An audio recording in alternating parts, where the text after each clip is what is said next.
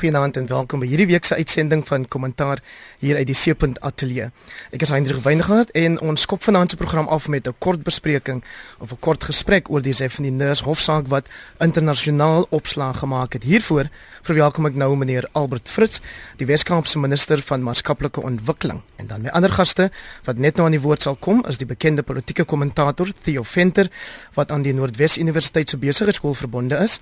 Hy sal telefonies uit Potchefstroom met ons praat en dan in die ateljee. Saam met my Jan Hofmeyer van die Instituut vir Geregtigheid en Versoening van Engels bekend as die IJR en dan die sosio-politieke kommentator Hein Gerwel wat spesialiseer in ontwikkelingsekonomie en dan ook nou sal saam praat um, oor hierdie Zefninus hofsaak. Minister Fritz in 1997 is die meisie bekend dan as Stephanie Nurse uit die Groot Skuur Hospitaal ontvoer. Verlede jaar is sy met haar biologiese ouers herenig en die afgelope week is haar grootmaakma of steelma soos wat die media na haar verwys skuldig bevind aan ontvoering, bedrog en die oortreding van dele van die kinderwet. Jou inleidende opmerkings oor spesifiek jou departement se betrokkeheid by hierdie saak. Ja, ons is in um, goeie hand. Um, ons is betrokke spesifiek um, omdat een van die aanklagtes um, in terme van die kinderwet um jy weet gedryf was in die hof.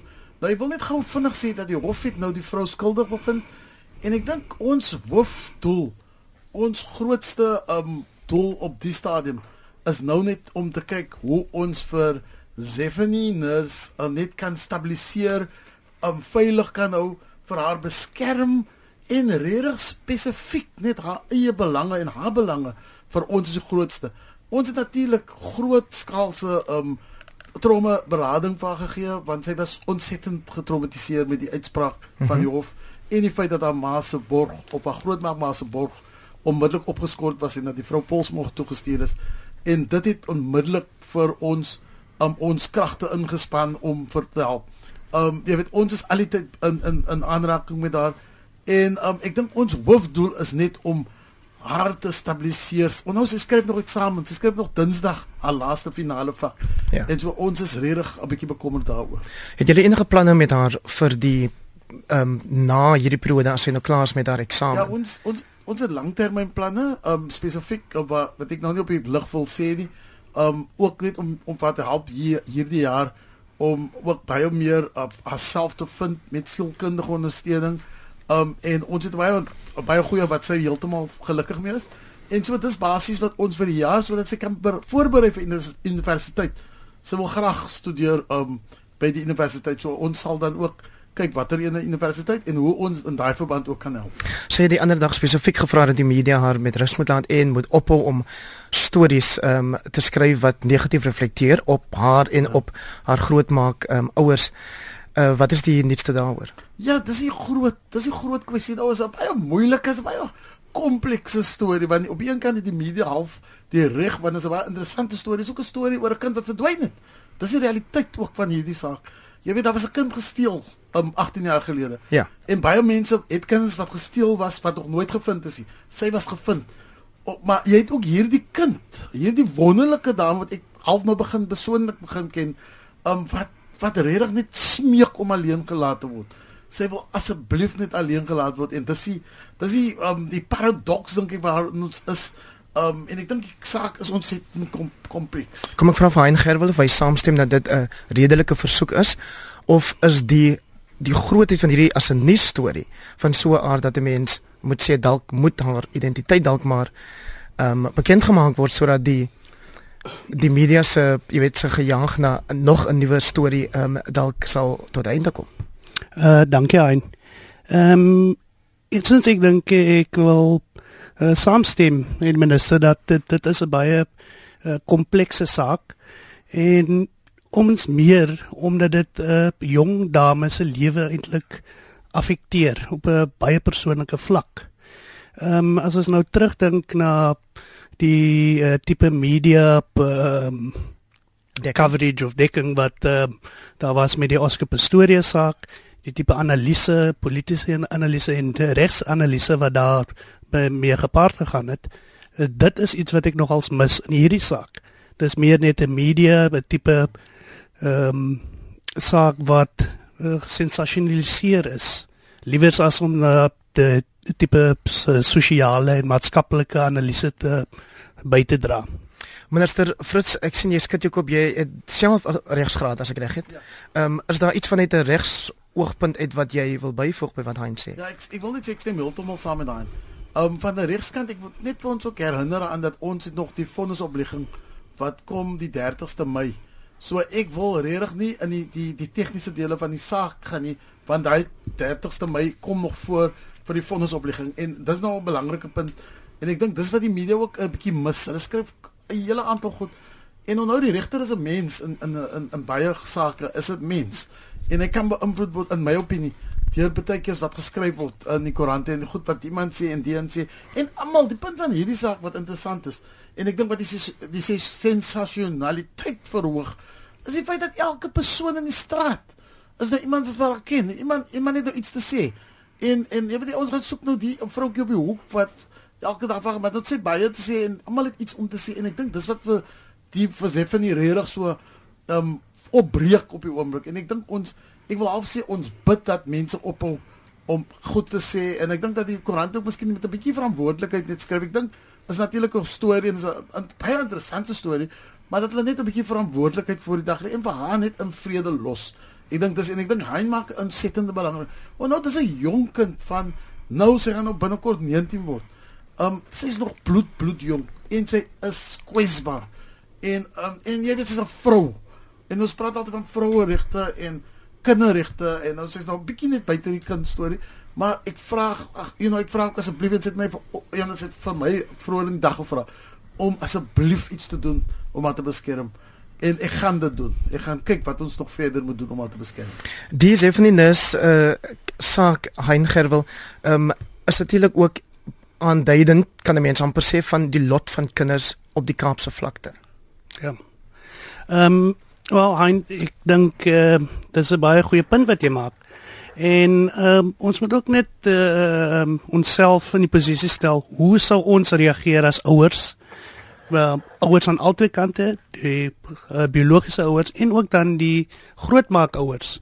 Want dit is nou iets wat die die twee stryd eintlik in die kind se lewe ehm um, uitbring.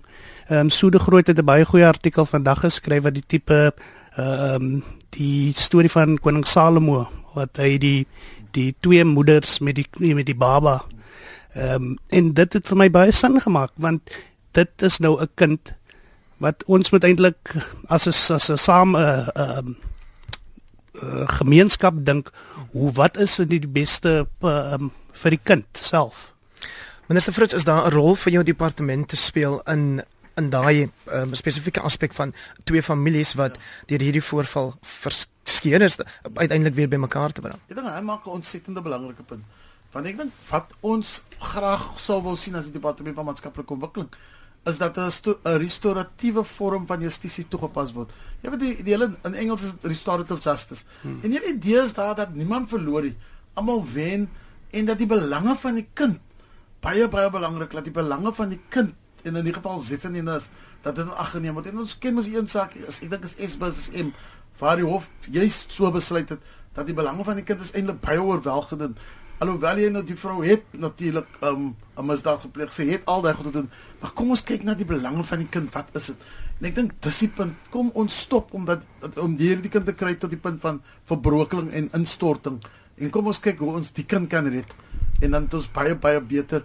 Um en ek en ek dink ons moet ook begin werk en as die departement wil ons ook kyk hoe kan ons werk met iets wat tot ook die biologiese ouers um daai verhouding kan miskien um herstel. Ek weet nie of dit moontlik is nie. Dit lyk soos dit 100% afgebreek is, maar kom ons kyk hoe ons daar kan help en dit kan verboorstel. En so praat meneer Albert Fritz, hy is die Weskaapse minister van maatskaplike ontwikkeling hier op kommentaar um, oor die oorspraakwekkende sê van die nurse hofsaak. Ons neem dan nou afskeid van minister Fritz en die oorlosie staan op 9 minute oor 8.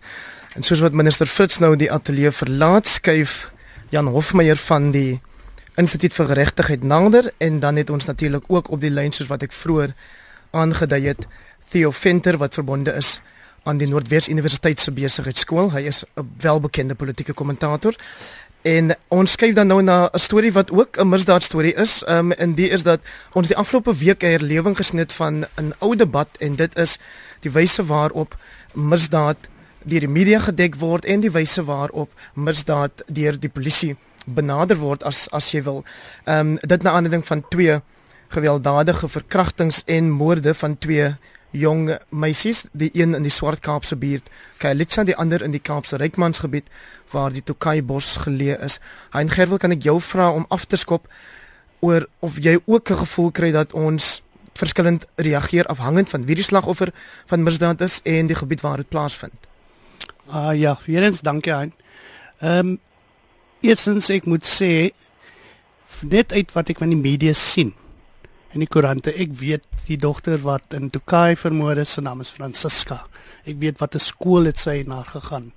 Ek weet hoe oud sy is. So daar's tipe detail, dit's 'n vermensliking van die misdaad wat uh, in die in die media uitkom. Maar van die die jong dame in Kailicha het ek eintlik nog geen detail gekry nie. So my gevoel is is dat as ek nou gaan na die tipe uh, politieke milieu in die FSA op die oomblik dat ons ook miskien 'n uh, beweging moet kry waar Black Lives Matter en dis wat ek net inleidend wil sê daaroor. Interessante verskynsel natuurlik as ek dit so mag noem uh, Jan Hofmeyer is dat ehm um, die Tokai uh, slagoffer toevallig dan nou 'n bruin meisie is maar ek dink baie mense het van hierdie staanspoor aangeneem dat sy dalk wit is en kan ek net ter wille van ons luisteraars sê die die jong um, slagoffer van Kailitsa se naam is Nokolo Mafia Mafivuka. So nou het ons daarom haar naam ook aan. Ja. Jan of meer. Ja, weet ek ek stem saam met haar en ek ek dink wat mense ook in in gedagte moet hou is weet uh, jy jy het nog genoem weer die die die spesifieke rasgroep waar waar aan hierdie meisie in Turkye be, behoort, maar weet wat mense ook ont, uh, onthou is jy jy het ook te doen met verskillende sosiale klasse ook. Uh, En ons ons het ook gesien die reaksie van die gemeenskap in Turkye is dis hoofsaaklik 'n middelklas um woon woongebied met 'n spesifieke ook sosiale infrastruktuur en ook die die vermoë om om te mobiliseer. So dit alles speel in uh op op die manier waar waarop daar ook met met die polisie saamgewerk kan word uh by by byvoorbeeld so ek dink daar daar is baie faktore wat wat 'n swart kind benadeel in in sulke omstandighede. Theo Venter, dink jy ook kleure het 'n rol um hier of oordryf ons dit? Nee, dit het absoluut 'n rol en die tragedie is um alhoewel ek erkenning gee daaraan dat daar 'n 'n bepaalde Weskaapse uh problematiek is. Uh ek dink mense moet miskien net die sirkel voltooi en dat almal wat RSG geluister het was toe sommer donderdagoggend of vrydagoggend ook sommer toeluisteraars van die verkrachtingsslagtes op die op die Stellenbosch se kampus wat uh, wat 'n baie interessante oefening op sigself was. Maar die tragedie is, ons het 'n artikel 9 instansie wat dieselfde regte het as die openbare beskermer en die menseregte kommissie wat daar is vir vroue en kinderregte. En die tragedie is hierdie organisasie is 'n klaaglike mislukking. Wat hulle behoort te doen is om die regte van vroue reg oor die kleurspektrum beter te hanteer. Want dit wat julle nou oor gepraat het en wat wat die spesifieke gevalle as 'n mens na die noorde van die land moet kyk dan wil ek dit 'n pandemie noem. Want hier is dit net so erg maar dis naamloos en dit dit kry nie dieselfde soort aandag nie en dit is vir my die hartseer in die storie dat die verhouding en dit wat vroue en vroueregte in die land aangaan is op 'n lae vlak en ek dink dit vra baie meer aandag as wat dit kry op die oomblik. Die politisie het natuurlik nie weggebly hier uit nie. Die adjunkminister van polisie het ek dink sy was die eerste een wat hierdie kwessie um, opgehaal het. Is dit 'n tyd vir politisie om uitsprake soos hierdie te maak of moet hulle eerder kyk dat die werk gedoen word, Hein Gerwel? Ehm um, ek dink eerstens die die werk moet gedoen word. So uh, so steen nou goed uh, genoem die Human Rights Commission is daar om die tipe kwessie op te vat. En ek dink regtig dat dit 'n klug is dat ehm um, iets soos dit opgestel is maar dan nie die werk doen wat wat daarvoor ehm um, uitgesit is nie. So om politieke punte te probeer te maak is eintlik nou die verkeerde ding op hierdie tyd. En ek moet ook sê ek stem baie op uh, saam met Jan dat dit 'n klas um, issue is. Net dit ek dink ons in Suid-Afrika met ons geskiedenis wil te gou 'n ras kwessie opbring. Maar daar is 'n uh, definitiewe overlap tussen ras en klas in Suid-Afrikaanse samelewing, maar ons moet net onsself berus by die feit dat ons probleem is meer klasgebaseerd as rasgebaseerd. Jan of meer, ek weet nie of julle daar by die Instituut vir Geregtigheid en Versoening ook kyk na misdaad in in die spesifieke of die verskillende gemeenskappe nie, maar wat wel waar is is soos jy vlugtig uh, daarna verwys het. In 'n gemeenskap soos Tokaina nou, ehm um, het jy amper 'n groter mobiliserings uh jy weet 'n rol deur plaaslike inwoners as waar jy in 'n gemeenskap so sê nou maar Kaalitsa dikwels sal vind. Ja, inderdaad. Ek meen ek ek dink weet in die akademie praat hulle van sosiale kapitaal wat daar wat daar bestaan. Weet dit dit is dis dis daai infrastruktuur buite dit wat die wat die staat bied, buite die polisie, buite spesifieke forums wat uh, wat wat deur belastinggeld gefinansier word. Dit is organisasies vrywillige vrywilliger organisasies van die burgerlike samelewing en en dit dit help baie groot um, deel om om om ook sulke probleme op te los in in samelewings.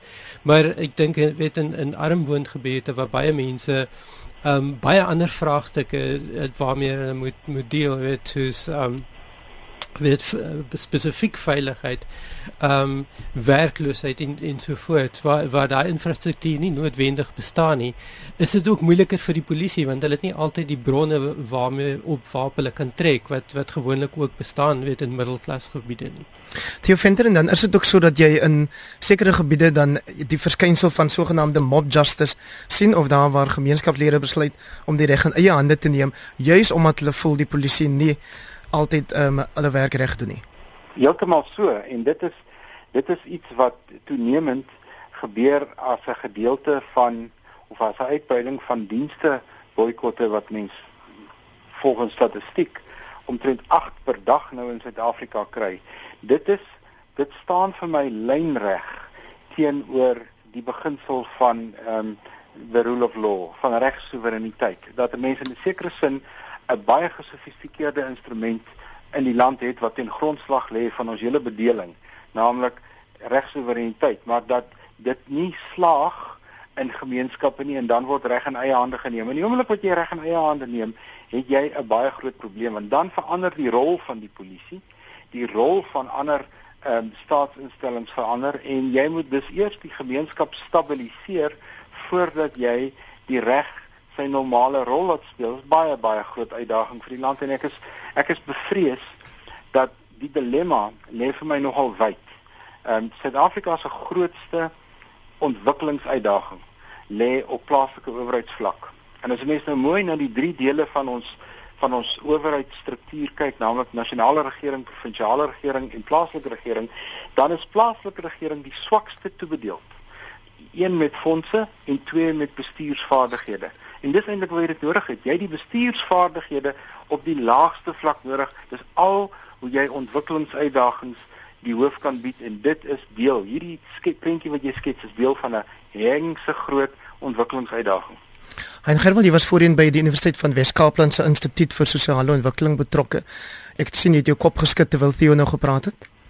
Ehm um, nee, ek stem 100% saam. Ek dink ehm um, die tipe idee dat die ehm um, nasionale uh, gesag die wanneer so die belangrikste deel is van van uh, ons regsbedeling is uh, eintlik ons moet dit op die kop draai. Want ons wil nie 'n tipe paternalistiese ehm um, aanwending van hoe ons tipe sosiale en ontwikkelings ehm um, kwessies uh, aanvat aanpak nie. En dat ons met kapasiteit op die local level eintlik ja, meer ja en sterker maak.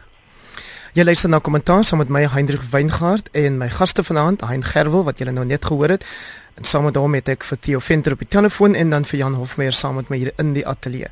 Nou Jan, 'n nuwe storie wat julle by die Instituut vir Geregtigheid en Versoening sekerlik met groot belangstelling dophou, is die hofuitspraak hierdie week dat Janus Valus, die moordenaar van die oud SAKP leier Chris Hani, wel op parol vrygelaat moet word.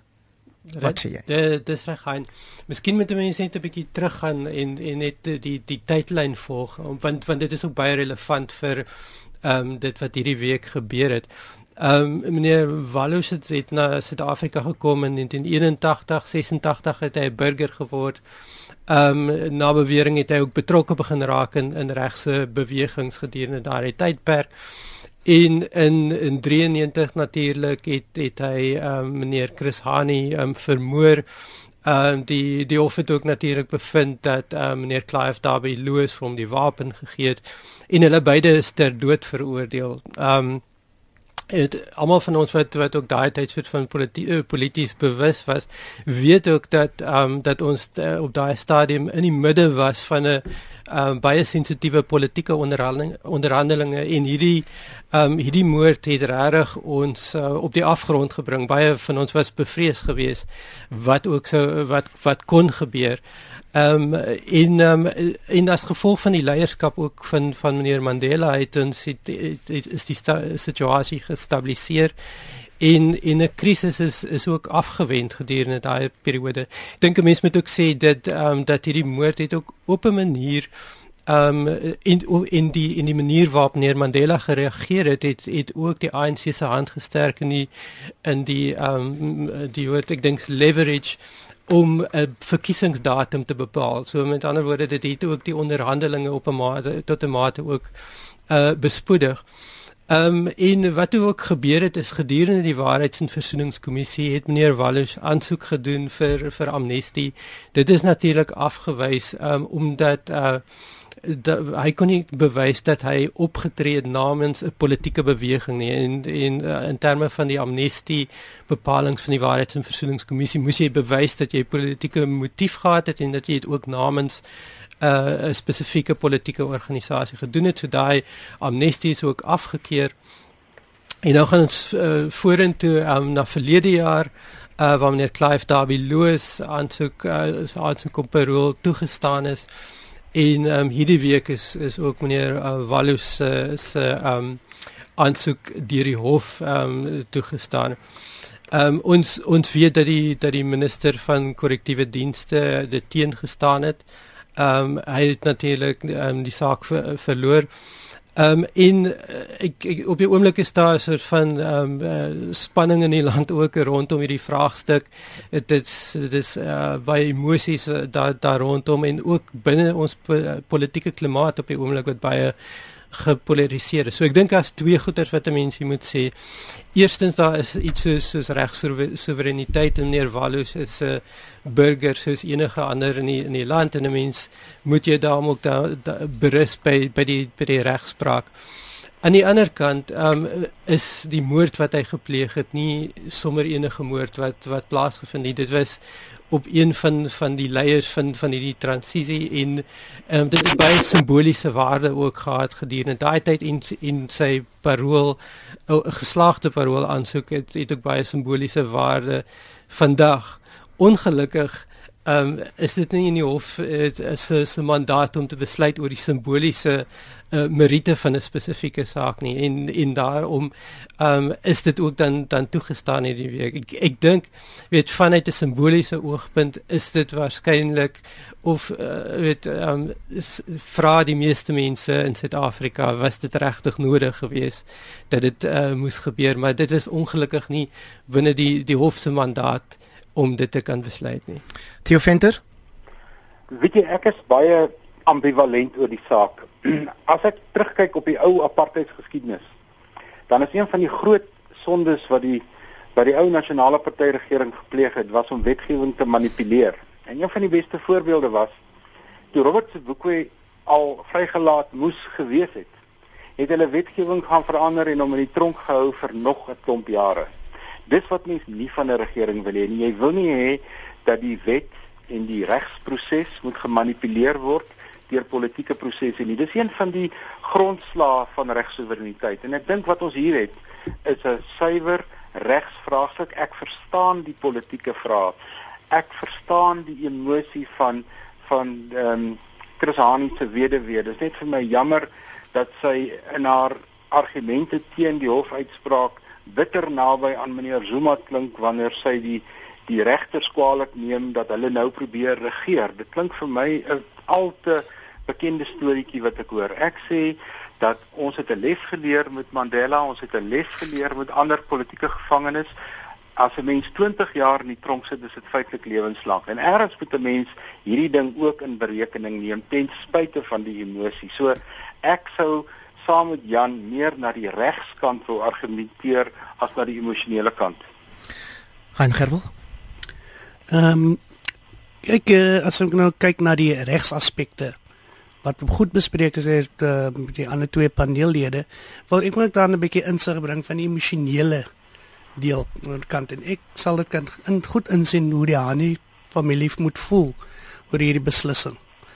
Ehm um, maar as ons dit nou so wel uh, in ag neem stem ek ook 100% saam dat dit is nie 'n politieke besluit wat geneem is nie. Dit is 'n pure regs besluit maar ons moet ook daarom nog kennis dra en ook ehm um, vir ons ehm um, acknowledge dat dit is 'n baie sensitiewe saak en dat veral mense wat ehm uh, betrokke was be, me, met Chrisani in in uh, die tyd van sy lewe uh, in gedurende sy lewenstyd definitief ehm um, sal voel dat hulle ingedoen is deur hierdie tipe beslissing.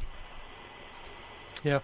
Nee, ek weet ek ek dink dit is dit is ongelukkig die die die geval dat ehm um, weet ook ook op die spesifieke tydvak waarin ons bevind waar daar verskillike baie polarisasie in die land is op die op die oomblik. Ehm um, weet is dit weet dit dit dis ongelukkig so dat dat hierdie vraagstuk ook nou spesifiek op hierdie tyd moet moet moet opkom maar weet soos soos my ander soort van paneel um, genote ook sê dat uh weet 'n mens weet op die ou end moet 'n mens kyk na na die regspraak die die oppergesag van van van die wet en um en en ook besef dat weet dit dit is daar ook om elkeen van van ons te beskerm. Jy weet in die ander saak is natuurlik Clive Darby Lewis is vrygelaat op mediese gronde op parol ek verstaan uit die media eers vandag dat dit aansienlik beter met hom gaan en, en dit is asof hy uit die uit die oog verdwyn het 2 3 maande nadat hy op parol gegaan het. So ek dink 'n mens moet ook maar partykeer 'n bietjie die emosionaliteit van die openbare media jy moet dit hoor en jy moet luister daarna, maar dit is ook iets van 'n verbygaande aard. Heinrich wil ek sien as hierdie kort oor die ANC se nasionale woordvoerder sê oor ehm um, Janus Walus hy's 'n gevaarlike misdadiger wat deur die regses gebruik is om 'n burgeroorlog in SA of in Suid-Afrika dan nou te veroorsaak. Is hierdie soort uitspraak goed in 'n tyd soos hierdie of is dit eintlik iets wat mense net meer kan verdeel? Ehm um, wel ek is altyd eh, 'n uh, bietjie versigtig om om politieke punte wat uh, mense probeer kry. Ehm um, deur sulke uitlatings te maak. Uh, ek vat dit maar met 'n knippie sout. Maar 'n punt wat ek wel sal wil maak is 'n artikel wat vandag ehm um, in vandag se Sunday Times was ook oor hierdie kwessie dat daar ehm um, ek vergeet nou sy naam maar 'n oud PAC lid wat in soortgelyke omstandighede was skuldig bevind. Ja, dis Sebukwe, dis Robert Sebukwe. Nee nee, ehm um, is iemand anders wat genoem was in die ehm um, in hierdie artikel wat ek nou vandag gelees het.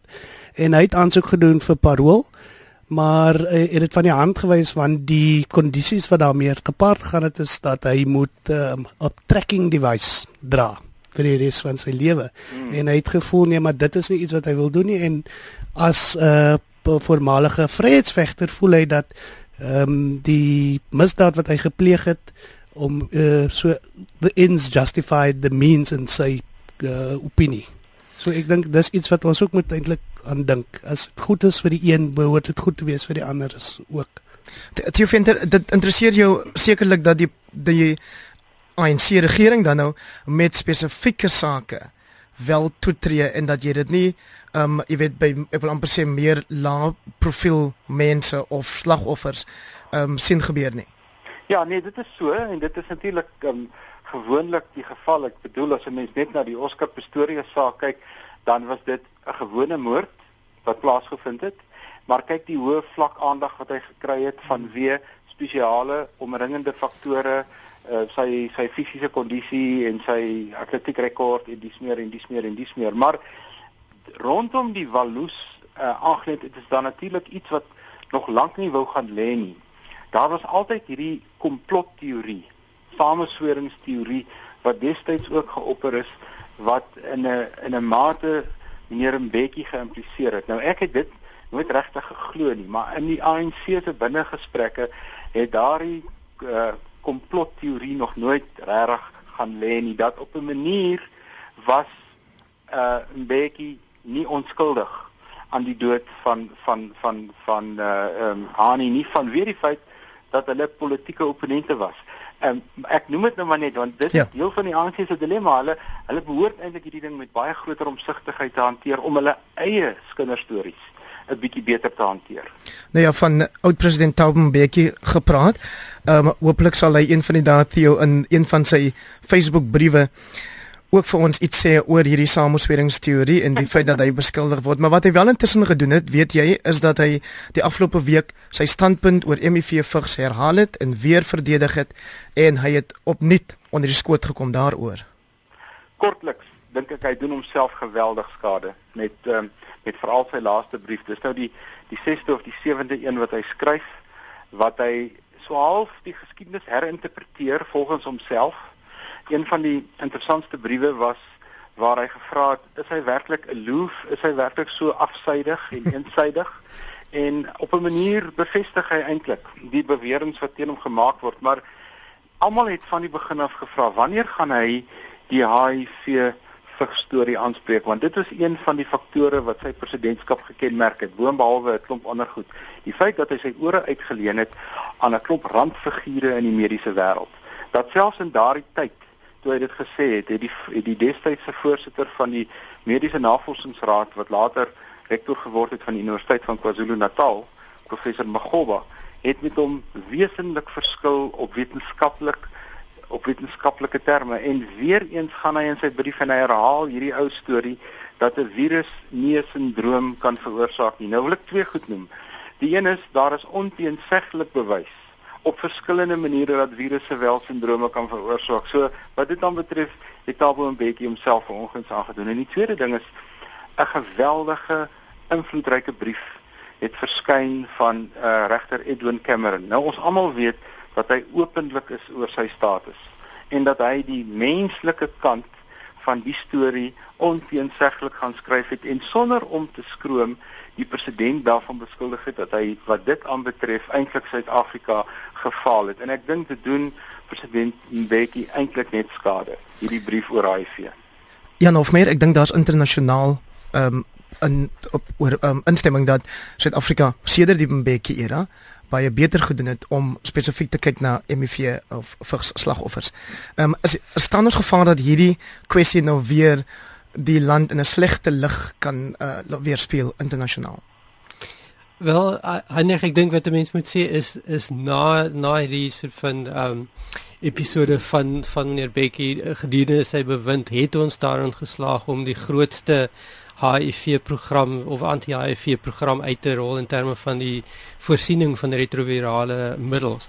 So so ek dink ons het ons het baie groot vooruitgang gemaak in in daai sin.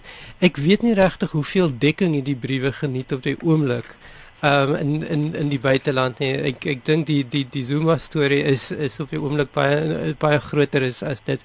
As mens kyk nou maar wat wat wat internasionale publikasies, die Financial Mail en New York Times en so iets of uh, daai publikasies publiseer. Ehm um, en, en ek ek dink nie dit dit dit gaan regtig weer weet ehm um, die die vraagstuk weet 'n groot een gaan maak in ons publieke lewe nie. Hein Gerwel het nou gehoor Jan praat van internasionale publikasies wat tans oor Suid-Afrika skryf. Een storie wat die afgelope week in die London in die Financial Times verskyn het, is die dat president uh, Zuma se seun Dudu Zani glo teenwoordig was toe 'n vergadering sou gehou is waar die Gupta broers aan die adjunkminister van finansies, Mkhabisi Jonas, die finansies pos sou aangebied het. Dis natuurlik voor die hele des van Rooyen ehm um, eskapade. Ehm um, ja, maar ek het dit ook vandag die eerste keer gesien in die berig in die Sunday Times. En ek moet sê dit is eintlik 'n baie ontstellend al jy weet en ek sê ook as dit werklik gebeur het. Ja. Jy weet, want uh, jy kry nou ehm um, uh Jesse Duarte gee uitspraak dat dis iets wat glad nie gebeur het nie. Die Gupta's deur hulle uh, regs uh, verteenwoordigers het ook gesê dit is iets wat glad nie plaasgevind het nie. So ek dink ek gaan maar nou eers na die kat in die boom met kyk voor ek Theo Venter maar 'n politieke kommentator het nie daai luukse wat die ekonome nee. het nie. So sê vir ons spesifiek oor die naam van Jesse Duarte in daai berig, sê jy die joernalis verwys na adjunkminister Jonas gesê dat hy met jou daaroor praat as hy jou vertel het dat daar so 'n vergadering was. Dis alles politieke spin wat die Amerikaners nou so mooi doen met die goeie presidentskandidaate wat hulle nou in die veld probeer stoot. Maar kyk, uh die essensie van die stryd in die ANC. Dit gaan in werklikheid om die stryd van die siel van die ANC. Kom neer op twee individue. Die een se naam is Pravin Gordhan en die ander een is Tom Moyane. En as jy kyk hoe hulle vir mekaar staan en loer en gluur en jy kyk na die kompleks van van van verhoudinge wat agter elkeen gebou is, dan besef jy dit is op die oomblik die skerp kant van die geveg wat in die ANC aangaan. En ek twyfel nie daaraan dat um, daar allerlei beloftes gemaak is en dat die Guptas 'n groot rol speel in meneer Zuma se denke oor hoe die land bestuur moet word nie. En ek dink dit het op die keper op die 9de Desember gekom toe die ingryping was rondom meneer Des van Rooyen en die aanwysing van Pravin Gordhan. Dit sou nie gebeur het as daar nie agteraf op baie maniere ehm um, baie indringend gepraat is deur baie senior ouens in die ANC nie. En ek dink hmm. ons beleef nou die na die naloop, die nawerking van daardie insident. Aan die een kant probeer meneer Zuma allerlei interessante goedjies doen, soos om te sê dat meneer Des van Rooyen die bes gekwalifiseerde minister van finansies ooit was, op papier miskien uit die grade, maar grade gee nie vir mense common sense nie. En die die die ander ding is weer dat daar allerlei goed gedoen word aan meneer Gordhan se kant terwyl ons praat so ure wat gelede het die minister het die ministerie van finansies 'n persverklaring uitgereik waarin hulle byvoorbeeld die die die valke se vrae aan die minister van finansies heeltemal bevraagteken omdat die valke nie kan bewys lewer dat hulle die regskrag het om die vrae te vra nie. So dis nog net 'n voortsetting van hierdie groot geveg en ek dink ons stuur hierdie week wat nou kom, stuur ons op 'n baie indringende week af. Daar is sprake byvoorbeeld dat die premier van Noordwes verskuif gaan word as spreker van die parlement. En nou kan die mense onmiddellik vra, wat gaan nou aan? Wel die die huidige spreker is nou word nou 'n ambassadeur en ons Jy praat van die hoofsweep van die ANC. Ja, ons premier hier in die Noordwes is een van die senior leiers van die sogenaamde Premierliga wat 'n hmm. wat 'n lobbygroep is wat meneer Zuma of meneer Zuma se posisie in die ANC op 'n manier wil bestuur tot 'n sekere uitkoms. As hy uitgehaal word en hy word parlement toe gestuur, dan word daar 'n baie belangrike rad uit daai wiel uitgehaal en dit verander dus die hele spelpatrone. Al hierdie goeters gaan hierdie week hulle self manifesteer. Maar om die vraag kortliks te beantwoord, ek dink dit is beslis so dat verskillende mense is poste aangebied in 'n uh, in 'n week of wat voor meneer Nene uh in die pad gesteek is en dit gaan uiteindelik lei tot 'n baie swaar afskeid van meneer Zuma in die nie te verre toekoms. Nou kom ek hoor net gou Jan Hofmeer, hy's hoof van beleid en analise by die Instituut vir Geregtigheid en Versoening. Van waar jy sit, is ons veilig met beleid baie kortliks. Ja, dit een een van die dinge wat hierdie internasionale graderingsagentskappe vir ons sê is dat een van die dinge wat hulle bekommer is die is dat daar nie genoeg kontinuïteit in ons beleid is nie.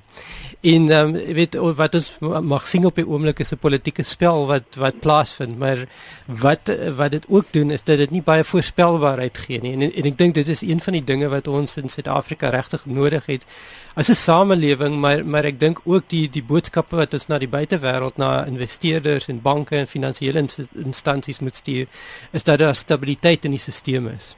En dit is dan al ongelukkig waarvoor ons vanaand tyd het. Baie dankie aan almal wat saamgeluister het en ook aan my gaste, minister Albert Fritz, Theo Venter, Jan Hofmeyer en Hein Gerwel. Ek is Hendrik Weingart en ek wens jou 'n fantastiese week toe.